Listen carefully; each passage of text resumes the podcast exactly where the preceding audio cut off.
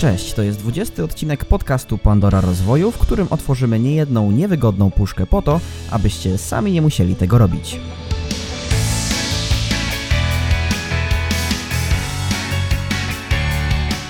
Dzisiaj porozmawiamy o tym, jak znaleźć partnera biznesowego, na co zwracać uwagę podczas procesu rekrutacji i czy jest to ostatni odcinek Pandory Rozwoju.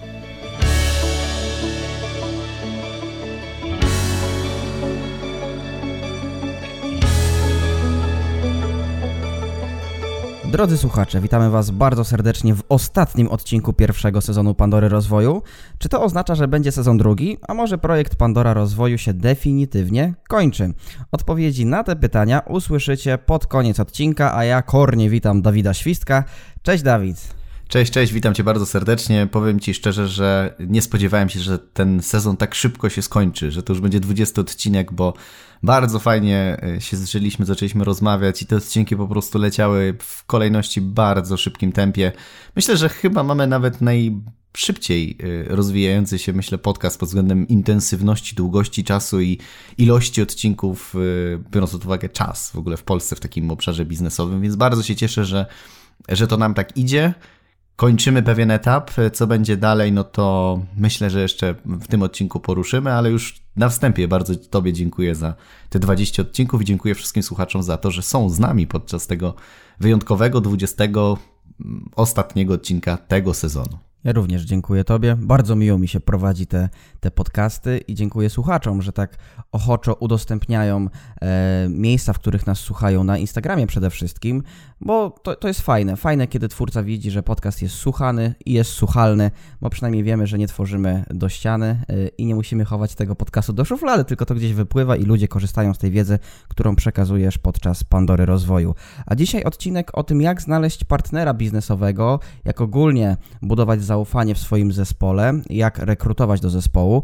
Wobec tego e, zaczynamy. Pierwsze pytanie brzmi następująco: na co zwracasz uwagę, rozpoczynając z kimś współpracę na płaszczyźnie biznesowej? My musimy w ogóle zrozumieć e, na samym początku jedną bardzo ważną rzecz, że w momencie, kiedy w dowolnym kontekście naszego życia chcemy włączyć jakąś osobę, aby była w naszym zespole, żeby była naszym partnerem, żebyśmy z tą osobą współpracowali, musimy tą osobę wybrać w sposób świadomy.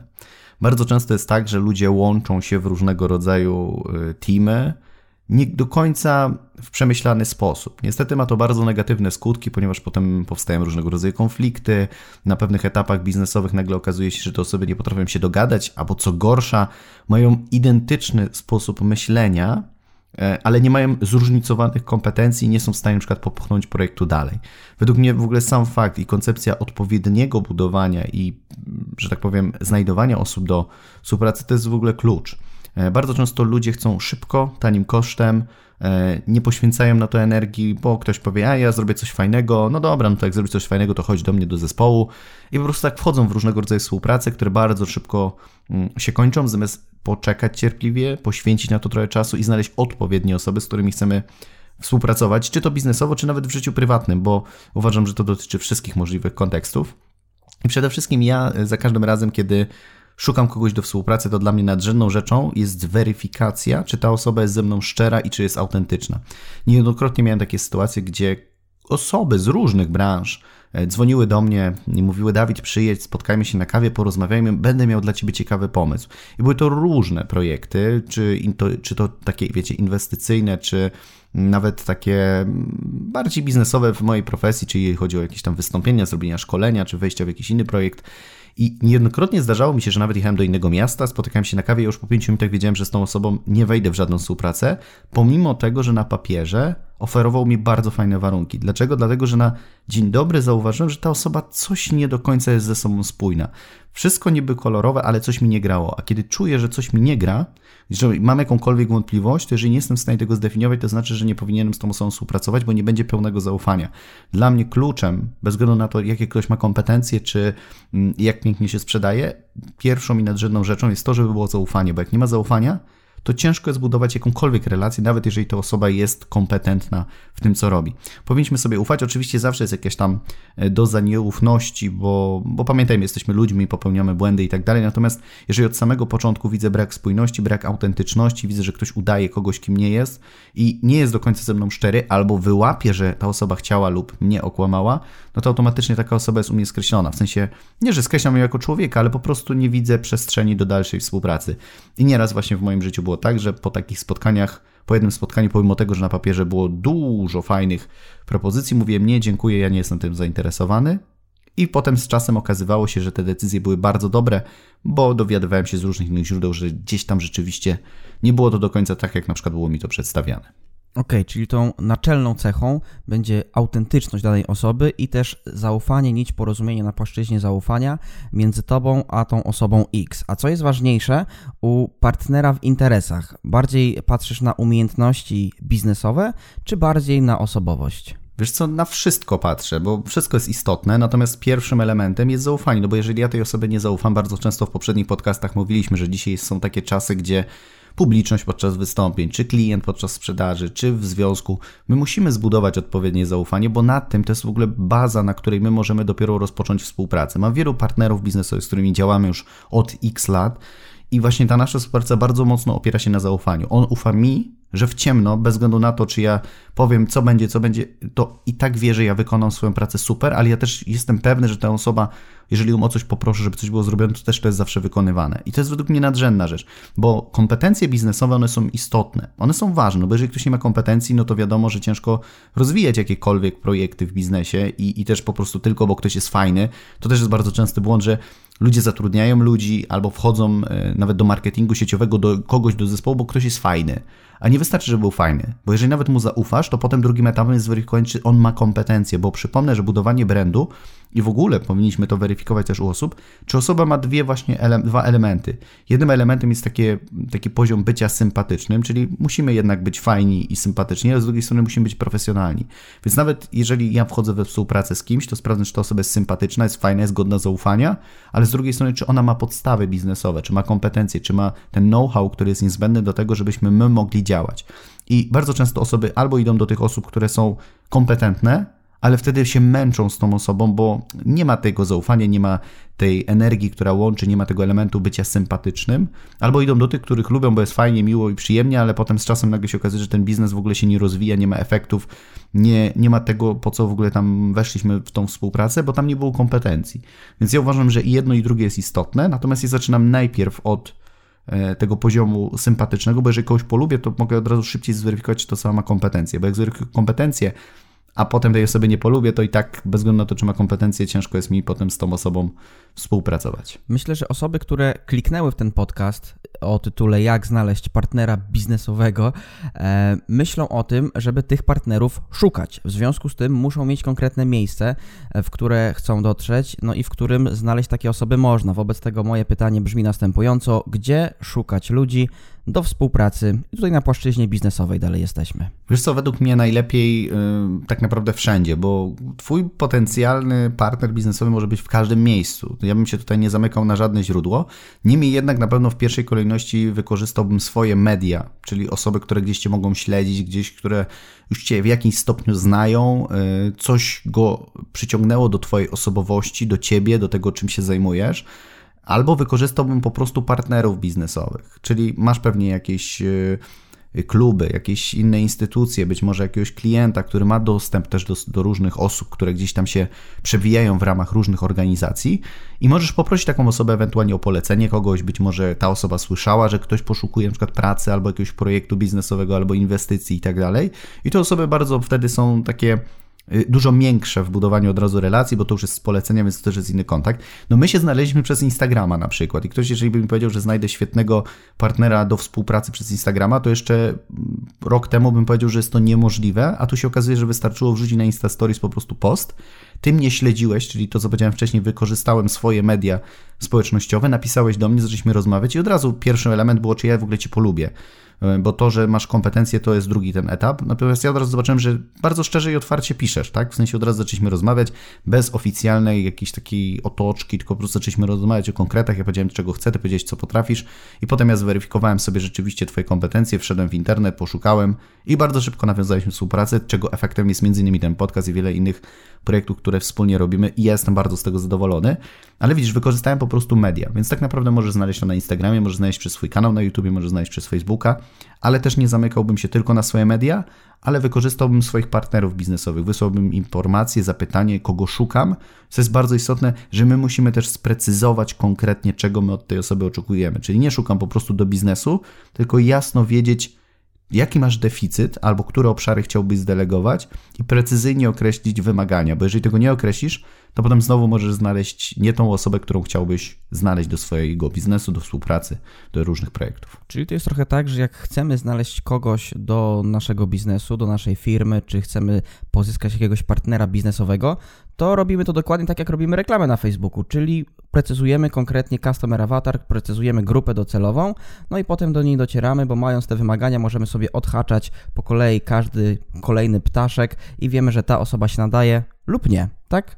Tak, pamiętajmy, że też bardzo ważnym elementem nawet nie są tylko twarde techniczne rzeczy, czyli masz na przykład, nie wiem, że ta osoba musi obsługiwać jakiś tam program, drugi program, trzeci program, bo to są rzeczy, jeżeli ktoś jest w miarę biegły w komputerze czy w innych y, urządzeniach, to prawdopodobnie, jeżeli ta osoba dostanie instrukcję, to z dużym prawdopodobieństwem ona szybko się tego nauczy. Dla mnie istotne też są kompetencje miękkie, czy ta osoba jest otwarta, czy jest rzetelna, czy ma motywację do pracy, e, czy jest energiczna i tak dalej. Czyli też zwracam na te miękkie, bo te techniczne, jak ktoś ma, a nie ma tamtych, to też z tą osobą się ciężko współpracuje. Więc uważam, że dużo bardziej znaleźć właśnie osobowość, kompetencje miękkie, te umiejętności, a techniczne oczywiście jakieś tam podstawę musi mieć, bo reszty może się nauczyć w praktyce. Nawet kiedy ciebie zatrudniałem, to sprawdzałem, co potrafisz, bo umiesz montować filmy, umiesz robić inne rzeczy, robisz grafiki, te strony i tak dalej. Natomiast, y, nie, wiesz, dla mnie też było istotne, żebyś na przykład obsługiwał bazę mailingową, czyli umiał obsługiwać Active Campaigna. Na samym początku nagle wyszło, że nie potrafiłeś, bo nie obsługiwałeś tego, ale zrobiliśmy Ci odpowiednie szkolenie, dostałeś narzędzie i robisz to dzisiaj perfekcyjnie, więc, więc to jest przykład taki, żebyśmy też nie skupiali się za bardzo na tych takich bardzo technicznych, bo ktoś nie umie obsługiwać jednego programu, to już tą osobę skreślamy, bo jeżeli ktoś ma odpowiednie predyspozycje i dobry charakter i dobre umiejętności miękkie, które są dzisiaj bardzo kluczowe w biznesie, no to automatycznie tą osobę możemy bardzo szybko przeszkolić, bez mnóstwo instruktażów, y, filmików, wiesz, jak ktoś po prostu wie, gdzie kliknąć, to potem zrobi to raz, drugi, trzeci i będzie potrafił to dokładnie zrobić, tak jak ktoś, kto pisze, że potrafi to dzisiaj robić na bardzo wysokim poziomie. Wiadomo, że to też nie będzie tak, jak ktoś na przykład siedzi w programie do montażu już 30 lat i robi tam cuda, a ktoś nigdy go nie widział, no to wiadomo, że to jest duża dysproporcja, ale pytanie, czy szukasz kogoś do produkcji hollywoodzkich filmów, czy po prostu do montażu prostych filmów, na przykład na, na YouTube'a, czy E, to takich jakichś działań czysto biznesowych, na przykład na swoim fanpage'u. Więc tutaj to jest też bardzo istotne. Mhm. Skoro już poruszyliśmy ten temat rekrutacji, no to chciałbym zapytać Ciebie o to, jak wygląda proces rekrutacji do Twojego zespołu, ale jest to takie pytanie, na które odpowiedź troszkę znam, e, więc też drugie pytanie od razu yy, daję. Jak rekrutować ogólnie ludzi do swojej firmy czy do swojego projektu biznesowego? Znaczy, w pierwszej kolejności musisz określić, jeżeli szukasz kogoś do zespołu, a masz już zespół, to musisz zobaczyć, który element w tym zespole wymaga usprawnienia bądź automatyzacji, albo widzisz, że na przykład w swoim zespole człowiek X powiedzmy ma dużo kompetencji w jakimś zakresie, ale wykonuje też inne czynności, więc chciałbyś od tych czynności go odciągnąć osobą Y, której na przykład szukasz, i wtedy tej osobie możesz poświęcić więcej czasu na to, w czym się rzeczywiście specjalizuje i co, co jest jego takim, taką mocną stroną. I wtedy ona też zrobi dużo więcej, więcej przyprowadzi, jak to się mówi w cudzysłowie, pieniędzy dla, dla Twojego biznesu, bo biznes musi zarabiać, żebyś Ty mógł potem płacić pracownikom. Natomiast, e, co jest bardzo istotne, żeby właśnie zastanowić się przede wszystkim na samym początku od wymagań. Bo jeżeli nie masz wymagań, to ciężko jest Ci w ogóle prowadzić jakąkolwiek rozmowę, bo nie wiesz, czego masz oczekiwać. I u mnie to było dokładnie tak samo, że ja wiedziałem dokładnie, precyzyjnie, czego ja oczekuję od danej osoby. Potem, e, tak jak mówię, no to musisz e, wrzucić informacje w internet, w sieć, e, w swoje kontakty, żeby tą osobę znaleźć, zebrać i zrobić wstępną selekcję. Wiadomo, że jeżeli ktoś na dzień dobry na przykład, nie wiem, ja mam taką złotą zasadę, że jeśli ktoś nie szanuje mnie, czyli wiesz, jeżeli na przykład ktoś zadaje pytanie, w pierwszym pytaniu, ile będę zarabiał, to ja wiem, że ta osoba nie ma w ogóle u mnie miejsca. I bardzo często ludzie popełniają ten błąd, że wysyła, na przykład wysyłasz informację, słuchajcie, szukam pracownika, czy możecie kogoś polecić, a ile będziesz płacił? Jeżeli ktoś zaczyna mi z takim pytaniem, to ja mówię, tobie nic. I wtedy tą osobę dyskredytuję, bo jeżeli ktoś nie potrafi najpierw się sprzedać, dać wartości, a od razu oczekuje informacji, i dla niego to jest najważniejsza informacja, to to nie jest osoba, z którą ja chcę współpracować, bo oczywiście pieniądze są istotne i tego nie neguję. Niemniej jednak najpierw powinniśmy w ogóle zobaczyć, czy, czy my mamy pole do współpracy, a potem zacząć negocjować warunki, które ta osoba by na przykład oczekiwała względem tego, co ustaliliśmy. I, i tutaj to jest dla mnie nadrzędne, żeby zobaczyć na samym początku, jak ta osoba podchodzi do pracy, a dopiero potem przejść powiedzmy do tematu już samych finansów i negocjacji. E, bardzo fajną metodą w ogóle na samym początku zweryfikowania, czy osoba, którą chcemy zatrudnić bądź wejść do projektu biznesowego, chcemy ją w jakikolwiek sposób nawiązać z tą osobą współpracę, to jest taka metoda, która nazywa się STAR i polega ona na tym, że mamy cztery takie etapy. Sytuację, temat, akcję i rezultat, czyli STAR. I generalnie na początku rzucamy jakąś sytuację, czyli przykładowo, jeżeli ktoś ma być w obsłudze klienta w naszej firmie, no to pytamy, słuchaj, masz taką sytuację, że przychodzi klient, który jest bardzo roszczeniowy, czyli nakładamy sytuację. Temat. Ta osoba żąda od ciebie, że chce złożyć reklamację w trybie natychmiastowym, dostać zwrot pieniędzy za produkt, który my sprzedajemy. I teraz, jaką podejmujesz akcję i jaki da ci to rezultat? I teraz, w momencie, kiedy zadajesz takie pytanie osobie, która ma u ciebie pracować, to od razu zobaczysz, czy osoba ma doświadczenie. Bo jeżeli ktoś wpisał w CV albo powiedział ci, że ma 20 lat doświadczenia w prowadzeniu y, biznesu, w obsłudze klienta, w zarządzaniu trudnymi y, klientami, to ta osoba od razu ci powie, co w takiej sytuacji mogłaby zrobić. Pokaże różne możliwe akcje, jako ona, gdyby miała taką sytuację i jaki to da efekt. Jeżeli ktoś nie ma doświadczenia, nie ma tego elementu praktycznego, a tylko mówił, że pracował, a był powiedzmy w tym, powiedzmy średni, to zacznie się mieszać, zacznie kombinować, będzie mówił, że w sumie to nie wie, bo to zależy i tak dalej, i tak dalej. Więc od razu jesteśmy w stanie przy pomocy tych czterech etapów zweryfikować, czy ktoś ma umiejętności praktyczne, bo to jest dzisiaj kluczowe, bo w teoretyków mamy na tej planecie mnóstwo, ale jeżeli przychodzi to do czego, do działania, do wykonywania czynności, no to nagle zaczynają się schody, trwa to długo, ciężko, mozolnie, więc, więc to jest też taka bardzo prosta metoda, dzięki której można sobie szybko zweryfikować, czy ta osoba po prostu jest praktykiem, czy jest tylko i wyłącznie te, teoretykiem.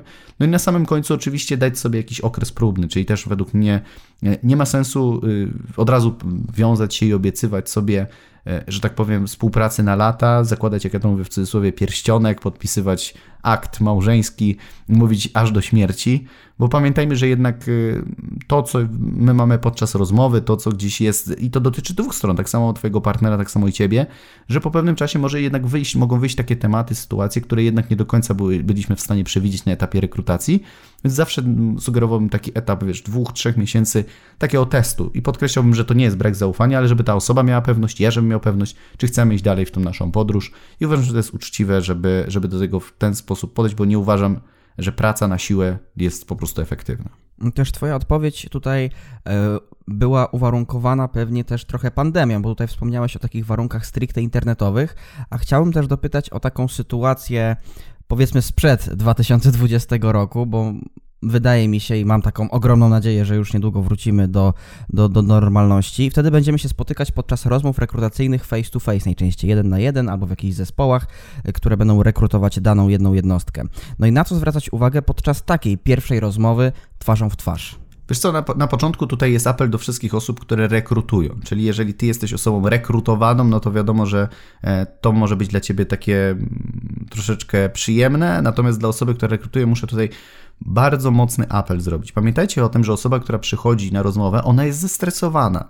I to jest naturalne, bo ta osoba przychodzi, bo wie, że będzie oceniana, wie, że będą na tą osobę, mm, że tak powiem, patrzeć, y, czuje presję, bo jeżeli jej zależy na pracy, no to wiadomo, że pojawiają się różnego rodzaju emocje.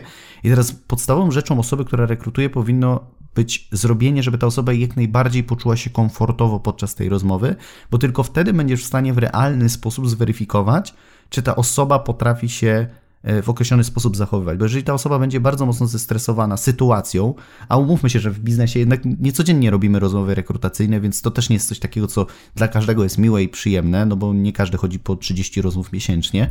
Natomiast jeżeli ułatwimy tej osobie pokazanie siebie, to z dużą pewnością będzie mogła zaprezentować się w takim normalnym, że tak powiem, w pełnym zakresie tego, co potrafi. Jeżeli tą osobę będziemy dodatkowo stresować, bo wiem, że niektórzy mają taką kamienną twarz, bo chcą zweryfikować i tak dalej, często utrudniają tej osobie pokazanie siebie, albo często nawet budują zbyt duży dystans i ta osoba zaczyna się zastanawiać, czy ona w ogóle chce tutaj pracować.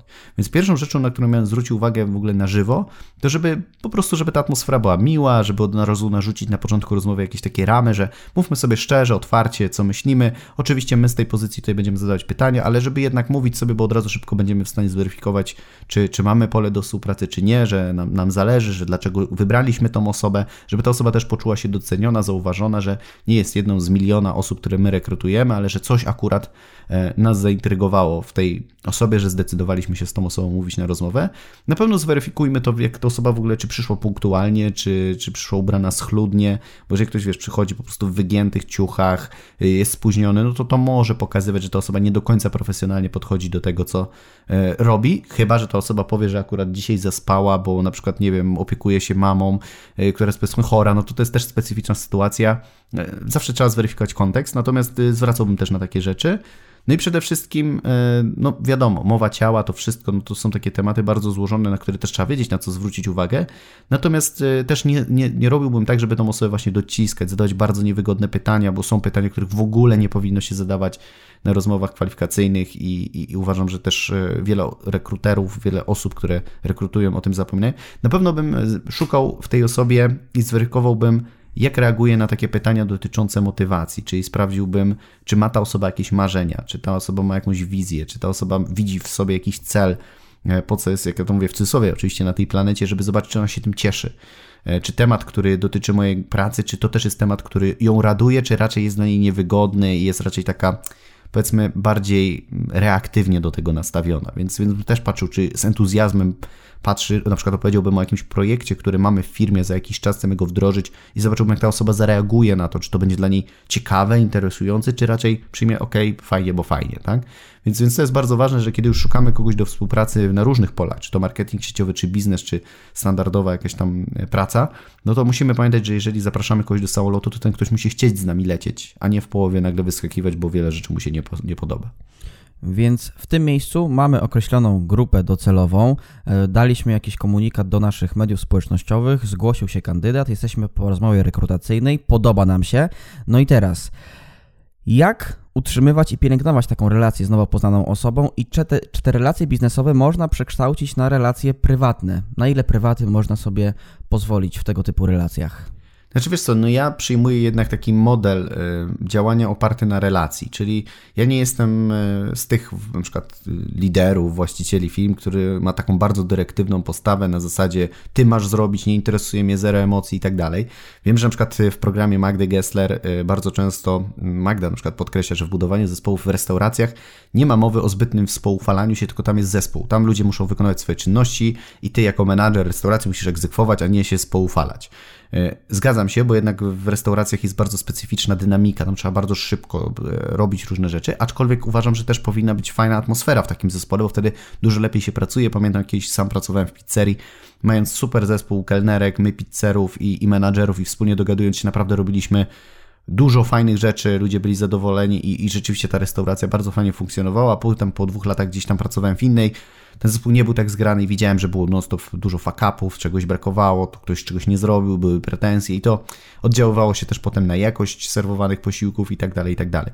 W takim tradycyjnym modelu ja jednak lubię mieć e, relacje takie fajne, ale bardzo mocno rozgraniczam, czyli jeżeli rozmawiamy o biznesie, to rozmawiamy o biznesie, jest wtedy konkret, konkret, konkret i wtedy nie ma zbytniego, wiesz, e, jakichś żartów, bo wtedy robimy po prostu to, na czym mamy się skupić, ale jeżeli zrobimy to, co możemy zrobić, no to w tym momencie możemy sobie pożartować. Ja na przykład, jak wiesz, bardzo często potrafię stąd sobie porozmawiać na różne tematy, nawet sobie pokringować w cudzysłowie e, różne sytuacje w życiu, ale to też wynika z specyfiki takiej, że my się bardzo dobrze dogadujemy i to jest ten element, który mówiłem na samym początku, że jeżeli kogoś polubisz, to ta osoba, która będzie Cię lubiła, też będzie lubiła biznes. Więc jeżeli będziecie rozmawiać o biznesie, to rozmawiacie o biznesie, wtedy sobie nie śmieszkujecie, wtedy jest energia robienia zadań i, i wtedy konkretnie timing, zasady, czego oczekuję, do kiedy, jak to ma wyglądać, precyzyjne komunikaty a potem już y, też, żeby zmiękczać. Pamiętaj, że jeżeli zatrudniamy i współpracujemy i tylko egzekwujemy, jesteśmy takim robotem, który wymaga od drugiej osoby, bo ja ci płacę, więc ja żądam, no to ta osoba w pewnym momencie też może się zmęczyć. Pamiętaj, że jeżeli nie ma tego elementu takiego człowieka, jak ja to mówię, w, w zarządzaniu ludźmi, no to niestety, ale ta osoba gdzieś czuje się wypalona, nie czuje się zrozumiana, nie czuje się zaakceptowana. E, też często ta osoba się zamyka w sobie, bo jest traktowana jako po prostu cyferka w Excelu, jako przedmiot, który ma wykonywać określone czynności. I wtedy ta osoba też nie powie nam o swoich problemach, nie powie nam o swoich wyzwaniach, a może coś się w jego życiu nagle w jakimś etapie może wydarzyć, co może mieć wpływ na jego dzisiaj pracę. I no, gdyby była ta relacja na innym poziomie, to osoba szczerze by ci powiedziała, że słuchaj, mam teraz gorszy okres, czy tydzień, czy dwa, potrzebujemy tak troszeczkę sobie tu poukładać i ty inaczej byś mógł z tą osobą zacząć działać, niż wymagać od niej dokładnie tego samego w, przez pryzmat e, jakiegoś gorszego okresu w czasie. Więc ja uważam, że jednak e, to zaufanie i, i ta relacja powinna być. Oczywiście jakieś takie głębokie spoufalanie się, czy, czy jakieś, wiesz, codzienne wychodzenie na piwo, żeby śmieszkować, może nie do końca być dobre, bo ta relacja potem może się zaburzyć do tego stopnia, że będziecie bardziej kumplami niż e, partnerami biznesowymi i wtedy to koleżeństwo może się przerodzić w to, że ciągle będziecie chcieli śmieszkować, a kiedy będzie trzeba zacząć wymagać, to ta osoba może mieć do ciebie pretensje na zasadzie, ale czemu, czemu ty robisz, my się kumplujemy. Dlatego też jest taka złota zasada, gdzieś ktoś mi kiedyś powiedział, że takich turbo przyjaciół czy rodziny nie powinno się zapraszać do swojego biznesu, bo wtedy pojawia się dużo różnych problemów właśnie natury tej emocjonalnej i wtedy ciężko jest egzekwować, wtedy ciężko jest taką osobę wyrzucić na przykład z zespołu albo podziękować zespołowi, bo gdzieś są te emocje, te, ta przyjaźń i wtedy jest no jest problem, nie? Więc, więc ja co do zasady gdzieś e, unikam takich e, relacji i uważam, że to jest słuszne, bo wtedy gdzieś tam możemy mieć super kontakt, ale nie musimy się od razu kochać, jak to się mówi w cudzysłowie. Przed chwilą też wspomniałeś o branży MLM, czyli branży, która w mojej ocenie, w której kontakty są najważniejsze. I wiem, że niektórzy słuchacze Pandory Rozwoju działają w tej branży, a ich podstawowym pytaniem jest to, gdzie znaleźć nowe osoby do współpracy. Wobec tego, Twoim zdaniem, jak osoby działające w tej branży mogą pozyskiwać nowe osoby, nowe kontakty i czy pisanie i dzwonienie do wszystkich swoich znajomych jest dobrą strategią, czy może jest to działanie z kategorii strać wszystkich znajomych? Wiesz co, ja jestem zdania, że trzeba odwrócić. To nie ty szukasz do marketingu ludzi, tylko to ludzie z marketingu mają ciebie znaleźć. Czyli to jest w ogóle według mnie nadrzędna rzecz, której wielu ludzi działających w MLM-ie, szeroko pojętym, w takiej sprzedaży e, bezpośredniej, nie rozumieją tego, że to ty swoją osobowością, ty swoim charakterem, ty swoim wizerunkiem, wiedzą, masz przyciągać odpowiednich ludzi. Bo ty, jeżeli ty będziesz atakował każdego, przyjdź do mojego biznesu, oczywiście możesz wykonywać takie, bo nie ma sensu być tylko, jak ja to mówię, pasywnym i czekać. Warto gdzieś dzwonić, ale dzwonić do tych, którzy rzeczywiście cię czymś zaintrygowali, a nie do każdej osoby, którą masz, bo, bo to na dłuższą metę i tak się nie sprawdzi, bo będziesz miał ilość, ale nie będziesz miał jakości. Natomiast ja bym y, bardziej skupił się na swojej osobowości, na tym, co ja mogę dać światu, bo jeżeli ty pokażesz, że jesteś interesujący, to ludzie do ciebie zadzwonią, ludzie do ciebie napiszą, a co ty robisz, a jak ty działasz, a y, co to jest za produkt, co to jest za firma, a jak ty to robisz. I te osoby same się zaintrygują. Wtedy to jest zupełnie inna relacja, kiedy ktoś do ciebie się zgłasza, bo coś mu się w tobie podoba, niż kiedy ty po prostu tą osobę e, przyjdź do mnie, bo, bo ja jestem super i, i to jest takie właśnie. Więc ma, mało osób marketingu poświęca dużą uwagę na rozwoju siebie, pokazaniu siebie w ciekawy i odpowiedni sposób i tutaj kłania się budowanie marki osobistej. Według mnie dzisiaj w ogóle marketing sieciowy jest oparty na marce osobistej. Jeżeli nie umiesz dobrze budować personal brandu, to ciężko będzie ci zbudować zespół marzeń, a co za tym idzie zbudować struktury, które rzeczywiście pozwolą ci osiągnąć sukces między innymi w tej branży.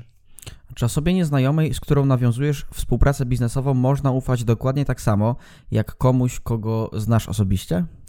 Wiesz co, i tak i nie, bo z jednej strony, jeżeli kogoś znasz, to mniej więcej wiesz, czego możesz się spodziewać, ale to też jest pierwszy krok do tego, żeby nie zauważać y, odpowiednich sygnałów. Y, mieliśmy odcinek na temat kłamstwa, który polecam, natomiast tam pierwszym takim elementem, o którym bardzo często wspominam, jest to, że jeżeli chcemy wykryć kłamstwo, to musimy z góry założyć, że ta osoba kłamie, a nie zwracać uwagi na to, co jest przejawem prawdy. Bo jeżeli będziemy się skupiać na tym, co jest przejawem prawdy, to będziemy wypierać to, co może być przejawem kłamstwa. Czyli jeżeli ktoś jest nam bliski, i powiesz, że coś jest prawdziwe, prawdziwe, a potem nagle zacznie kłamać, ale powiedział dwa razy prawdę, no tam jedno to takie, wiesz, malutkie.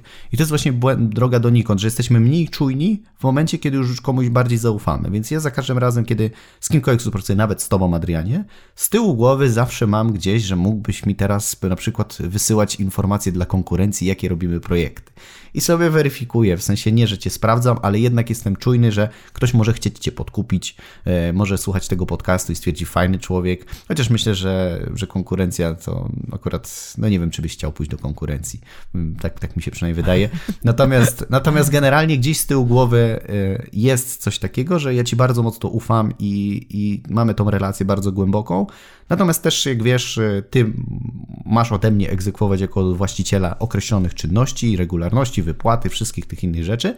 Ja od ciebie mam oczekiwać twojej rzetelności i wykonywania dobrego, dobrze swoich obowiązków i to u nas wychodzi na razie super, więc, więc ja uważam, że i tak i nie. Można ufać, można nie ufać. Zawsze gdzieś tam pamiętajmy tą nutkę jednak e, żeby upewnić się, czy ta osoba na pewno to zrobi. Więc ja też nawet jak wiem, że coś zrobisz, to zawsze gdzieś jeszcze pozwalam ci przypomnieć to, żebyś wiedział, co trzeba zrobić i jak to zrobić, e, żeby mieć pewność, że na pewno to będzie zrobione tak, jak chciałem, żeby było zrobione, więc ufam, ale jednak jeszcze sobie gdzieś tam z tyłu będę to pilnował i, i weryfikował. Teraz mi też wpadło do głowy, że oficjalnie podpisując umowę, ja z tobą, nie umawialiśmy się tak jakby na żadne tak jakby banicje z mojej strony, no bo ja wcześniej prowadziłem też jakąś taką działalność szkoleniową na dużo mniejszą skalę niż ty, ale też y, z dniem podpisania umowy całkowicie tak jakby zrzekłem się tego, bo pomyślałem, że to będzie działanie nieuczciwe konkurencyjnie, więc teraz nawet, tak teraz mi to dopiero przyszło do głowy, że automatycznie mój mózg zakodował, że pracuję w firmie, która zajmuje się szkoleniami i tak dalej, więc ja sobie swoją działalność całkowicie odpuszczam, żeby tak y, nie wyglądało to źle wizerunkowo. Znaczy wiesz co, no nie wiem czy wiesz, ale ja w ogóle zwróciłem na samym początku naszej współpracy, powiedziałem ci takie zdanie, że, e, że myślę, że poza tym, że będziesz mógł mnie zarobić i pracować w fajnym zespole, to będziesz mógł się również rozwijać, a jeżeli któregoś dnia stwierdzisz, że będziesz chciał robić coś swojego, bo na tyle się rozwiniesz, to ja ci nie będę w żaden sposób tego blokował, wręcz przeciwnie, będę ci w tym pomagał. Więc ja rozumiem, że taki jest naturalny rozwój kariery i, i też pracując z tobą mam z tyłu głowy, że kiedyś możesz chcieć stwierdzić, że chcesz robić coś swojego, bo poczujesz taką potrzebę i, i, ja to rozumiem, że to może być następny etap rozwoju twojego biznesu. Być może będziemy współpracować może na innym polu, albo może jeszcze pójdzie to w innym kierunku, więc ja mam tego pełną świadomość, że nawet zatrudniając kogoś, to nie jest ktoś, że ktoś ma mi teraz pracować do końca życia, e, bo ja tak go zatrudniam i, i potem ludzie są zdziwieni, że na przykład ktoś po trzech latach mówi, że chciałby coś innego, bo, bo rozwój jest naturalną rzeczą. Natomiast e, też robimy po to wiele rzeczy, żeby robić właśnie procedury, żeby w momencie, w którym na przykład ty mi powiesz, że chcę robić coś innego, chcę pójść w innym kierunku, chcę się bardziej rozwinąć jeszcze w jakimś innym obszarze. I wtedy, powiedzmy, ja będę miał gotowe procedury, że my potem zatrudniając kogoś na Twoje miejsce, będziemy mogli dużo łatwiej tą osobę na przykład przeszkodzić, żeby wykonywała dokładnie te same czynności. Więc pamiętajmy, żeby też nie blokować ludziom rozwoju, a żeby te osoby miały świadomość tego, że nie są też trzymane w kajdankach e, i że całe życie muszą być przy tobie, bo ty tak powiedziałeś na przykład. Wobec tego ostatnie pytanie dotyczące płaszczyzny biznesowej i potem mam jeszcze kilka pytań dotyczące płaszczyzny, dotyczących płaszczyzny osobistej. Jak budować zaufanie z nowo poznaną osobą tak, aby współpraca przyniosła jak największe owoce? Wiesz co, no podobnie tak jak e, budować zaufanie podczas sprzedaży. Mieliśmy też taki odcinek podcastu o tym. Przede wszystkim pokazać e, siebie z tej prawdziwej strony, pokazać być może jakąś taką historię, otworzyć się, bo jeżeli ta osoba zobaczy, że ty się otworzysz i coś powiesz, to też te osoby chcą się otworzyć do ciebie. E, w momencie, w którym na przykład my rozmawiamy, bardzo często mówię ci o jakichś takich swoich osobistych sytuacjach z życia i, i co się u mnie też dzieje i ty też często opowiadasz mi o swoich. I często te nasze rozmowy są takie, że my się też dzięki temu lepiej poznajemy, ale też dzięki temu lepiej się ufamy ufamy, czy w sensie sobie ufamy. E, bardzo bym unikał takiej relacji zero-jedynkowej, bez na przykład swoich jakichś historii, jakichś takich ciekawostek z życia, tylko i wyłącznie wymagać i egzekwować, bo to niestety nie buduje zaufania, więc pokaż siebie o sobie, pokaż takiej normalnej ludzkiej strony, a zobacz, że ta osoba też się będzie chciała otworzyć, bo, bo na tym to polega. Na pewno zbudowanie raportu i zrozumienie empatyczne e, osób z Twojego zespołu, w jakiej one są sytuacji, gdzie mieszkają, jaką mają sytuację dzisiaj rodzinną. E, to wszystko ma znaczenie, wiesz, i, i to dla mnie też jest bardzo fajne, że kiedy ja rozumiem osoby, z którymi współpracuję, gdzie one mieszkają, co robią, co, co im się podoba, czego nie lubią, jakie buty noszą, bo to też jest, widzisz, takie zabawne, że ostatnio dowiedziałem się nawet w jakich butach chodzisz i to jest dla mnie też e, ciekawe. Jeżeli jesteś ciekawy drugiej osoby, to ta osoba też będzie ciekawa ciebie i to też będzie budowało zaufanie, bo to będzie takie naturalne, a nie takie wymuszone że ja muszę się dopytać, co słychać u ciebie, panie Dawidzie, tylko to jest wtedy taka naturalna dyskusja i wtedy to zaufanie wchodzi i na pewno przestrzeganie jasno określonych zasad. Więc jeżeli już się na coś umawiamy, to zawsze to róbmy, bo jeżeli będziemy gdzieś na jakichś etapach zawodzić, to potem to zaufanie będzie słabło, prawda? Czyli generalnie my to zaufanie mamy, a możemy je po prostu stracić. Czyli za każdym razem, kiedy przychodzi początek miesiąca, to u mnie pierwsza rzecz, która jest w głowie, to zrobić od razu przelew e, Adrianowi za, e, wiesz, za miesiąc pracy, żeby od razu wiedział, że ma, ma pewność, że nie musi się przypominać, że miał o tym nie zapomniał, bo jak zapomnę, to potem może się pojawić gdzieś brak zaufania i tak dalej. Więc staram się za każdym razem, kiedy na coś się umawiamy, żebyśmy to robili, no wtedy wiem, że im częściej pokazuję, że jeżeli jest tak, jak się umówiliśmy, to to zaufanie się wzmacnia, a ta współpraca potem jeszcze bardziej się rozwija i, i dużo fajniej e, można rozwijać nowe projekty i tak dalej, i tak dalej. Mhm. No dobrze, ale biznes biznesem, a też ważna jest przecież ta druga płaszczyzna, czyli ta płaszczyzna bardziej osobista, prywatna. Wobec tego, skoro wiemy, jak znaleźć partnera biznesowego, no to jak znaleźć partnera do związku, do naszego życia, do tej wspólnej drogi, którą zwana jest, e, zwane jest życie. Znaczy wiesz co, no to dobrze powiedziałeś, bo zespół, e, pamiętajmy o tym, że mm, zespół, czyli nas, nasze biznesy, czyli to wszystko, co, co powoduje, że zarabiamy, czy, czy zatrudniamy kogoś do pracy, to jest jeden element, ale nasze relacje, jak to się mówi, e, biznesowe, czyli nasze życie prywatne również ma na to bardzo duży wpływ, bo jeżeli w relacji nie, nie, nie idzie, no to też blokujesz się w biznesie. Ja zauważyłem wielokrotnie, że jak są jakieś kłótnie z partnerem, z partnerką, to potem ma to bardzo duży wpływ na to, jak ktoś pracuje, na czym się skupia, bo jego myśli są gdzieś indziej, więc to też jest istotne, żeby nasze życie prywatne było dobrze poukładane, bo to ma duże przełożenie potem, jak my reagujemy, bo może być też tak, taka patologia, że w momencie, w którym kłócisz się w związku, nie, nie chcesz czegoś powiedzieć, a potem wyżywasz się na swoich współpracownikach i to potem się przelewa w pracy, ludzie nie rozumieją skąd u Ciebie ta agresja, taka frustracja, a Ty po prostu musiałeś na kimś zareagować, sobie pozwoliłeś, bo Ty jesteś szefem, więc Ty sobie będziesz odreagowywał na swoich pracownikach i to jest bardzo patologiczna sytuacja i nie powinno to mieć miejsca, dlatego też uważam, że szukanie odpowiedniego partnera życiowego jest tak samo ważne jak szukanie partnera biznesowego. I tutaj przede wszystkim trzeba sobie odpowiedzieć na to, jakie ty masz potrzeby w życiu. Czyli nie szukać, bo jest ktoś ładny, fajny, bo chcę, bo muszę na siłę, tylko czasem warto dłużej poczekać, ale znaleźć kogoś, kto rzeczywiście będzie dla ciebie uzupełnieniem. Mówi się z jednej strony, że przeciwieństwa się przyciągają, ale też podobieństwa nas, y, że tak powiem, ciągną do danej osoby. I jest w tym trochę prawdy i w jednym i w drugim, bo muszą być jakieś elementy wspólne, czyli musisz mieć z tą osobą o czym rozmawiać, musisz mieć z tą osobą jakieś wspólne wartości, mm, jakieś przekonania na temat świata, żebyście podążali w kierunku, ale z drugiej strony każdy z nas powinien mieć jakąś swoją taką mówię, przestrzeń, w której y, ma swoją indywidualność, czymś, czym się różnimy, bo też takie usilne spędzanie ze sobą czasu 24 godziny na dobę w pracy, wszędzie, wszystko razem, wszystko razem, w wielu związkach się nie sprawdza. Są oczywiście wyjątki, jak w każdej regule, natomiast co do zasady jednak każdy z nas powinien mieć jakąś taką swoją przerwę, wyjść gdzieś, zrobić coś innego ze znajomymi, mieć jakąś swoją odrębną pasję, w której my będziemy mogli wrócić i opowiedzieć drugiej osobie, słuchaj, ja zrobiłem to tak, a co tam było fajnego, bo ta osoba na przykład robi coś innego i wzajemnie. Więc, więc uważam, że przede wszystkim kluczowym elementem w budowaniu relacji jest zaspokajanie własnych potrzeb, czyli przede wszystkim my sami musimy uzmysłowić sobie, czego my oczekujemy od naszego partnera, czy ten partner jest nam w ogóle do życia potrzebny, bo czasami jest tak, że ludzie szukają na siłę, bo ktoś powiedział, że wypada, albo rodzina wymusza na przykład, a kiedy ty znajdziesz tam swojego narzeczonego czy męża, nie? I potem kobiety na przykład na siłę szukają, bo jest presja ze strony rodziny i potem niestety te związki się szybko rozchodzą, rozwodzą i tak dalej, jest więcej problemów, więc ja na przykład mam takie podejście, że jeżeli będę miał partnerkę życiową, z którą kiedyś powiedzmy wezmę ślub, to dla mnie nadrzędną rzeczą jest, czy ta osoba będzie w stanie realizować moje potrzeby emocjonalne i tak dalej, i tak dalej w życiu, czy będzie dla mnie uzupełnieniem, ale czy też będzie dla mnie ciekawą osobą, która też będzie miała swoje pasje, czymś się będzie zajmowała, ale z drugiej strony, czy ja będę w stanie zrealizować potrzeby kobiety, bo to też nie jest tak, że to działa zawsze w jedną stronę, tylko działa to w dwie strony. Bo jeżeli masz kogoś, z kim chcesz dzielić swoje życie, to musisz też się poświęcić. Taka jest naturalna kolej rzeczy, a nie tylko oczekiwać i wymagać i, i mieć pretensje. Więc dla mnie to jest kluczowe, żeby zastanowić się nad swoimi potrzebami, realizować swoje potrzeby, ale również pomóc zrealizować potrzeby tej drugiej osoby i na początku trzeba je określić, czy to jest ta droga wspólna. Już moje ostatnie pytanie, jak w czasach COVID-u szukać drugiej połówki? Czy teraz jest łatwiej niż przed COVID time'em? Wiesz co, ciężko jest mi powiedzieć. Są różne aplikacje, dzięki którym można, e, że tak powiem, porozmawiać i ten trend taki szukania w internecie e, jest oczywiście możliwy. Niemniej jednak wiadomo, że spotkania na żywo to są spotkania na żywo i żaden internet tego nie zastąpi. Czy jest trudniej? Ciężko jest mi powiedzieć. Na pewno ludzie mają troszkę więcej czasu, bo e, siedzą jednak troszeczkę więcej w domu, więc mogą sobie poświęcić więcej czasu, na przykład, nie wiem, na jakieś rozmowy, aniżeli po prostu wychodzenie, nie wiem, gdzieś na spacer i tak dalej. Ja powiem Ci szczerze, że nie prowadzę żadnych statystyk, czy jest łatwiej, czy trudniej. Uważam, uważam, że jeżeli ktoś chce i daje sobie prawo do tego, żeby poznać w życiu kogoś, czyli nie jest na to zamknięty, to prędzej czy później ta osoba się pojawi. Czyli jeżeli nie robisz niczego na siłę, to jeżeli nie siedzisz zabunkrowany w domu i liczysz, że ktoś nagle zapuka do drzwi i przyjdzie taki aniołek, który strzeli w dupkę i powie zakochałeś się, tylko po prostu coś robisz, dziś dajesz prawo i pokazujesz siebie światu, to ktoś cię zauważy i, i być może prędzej czy później wasze relacje się e, zejdą na wspólny tor i będziecie szczęśliwi. Mhm.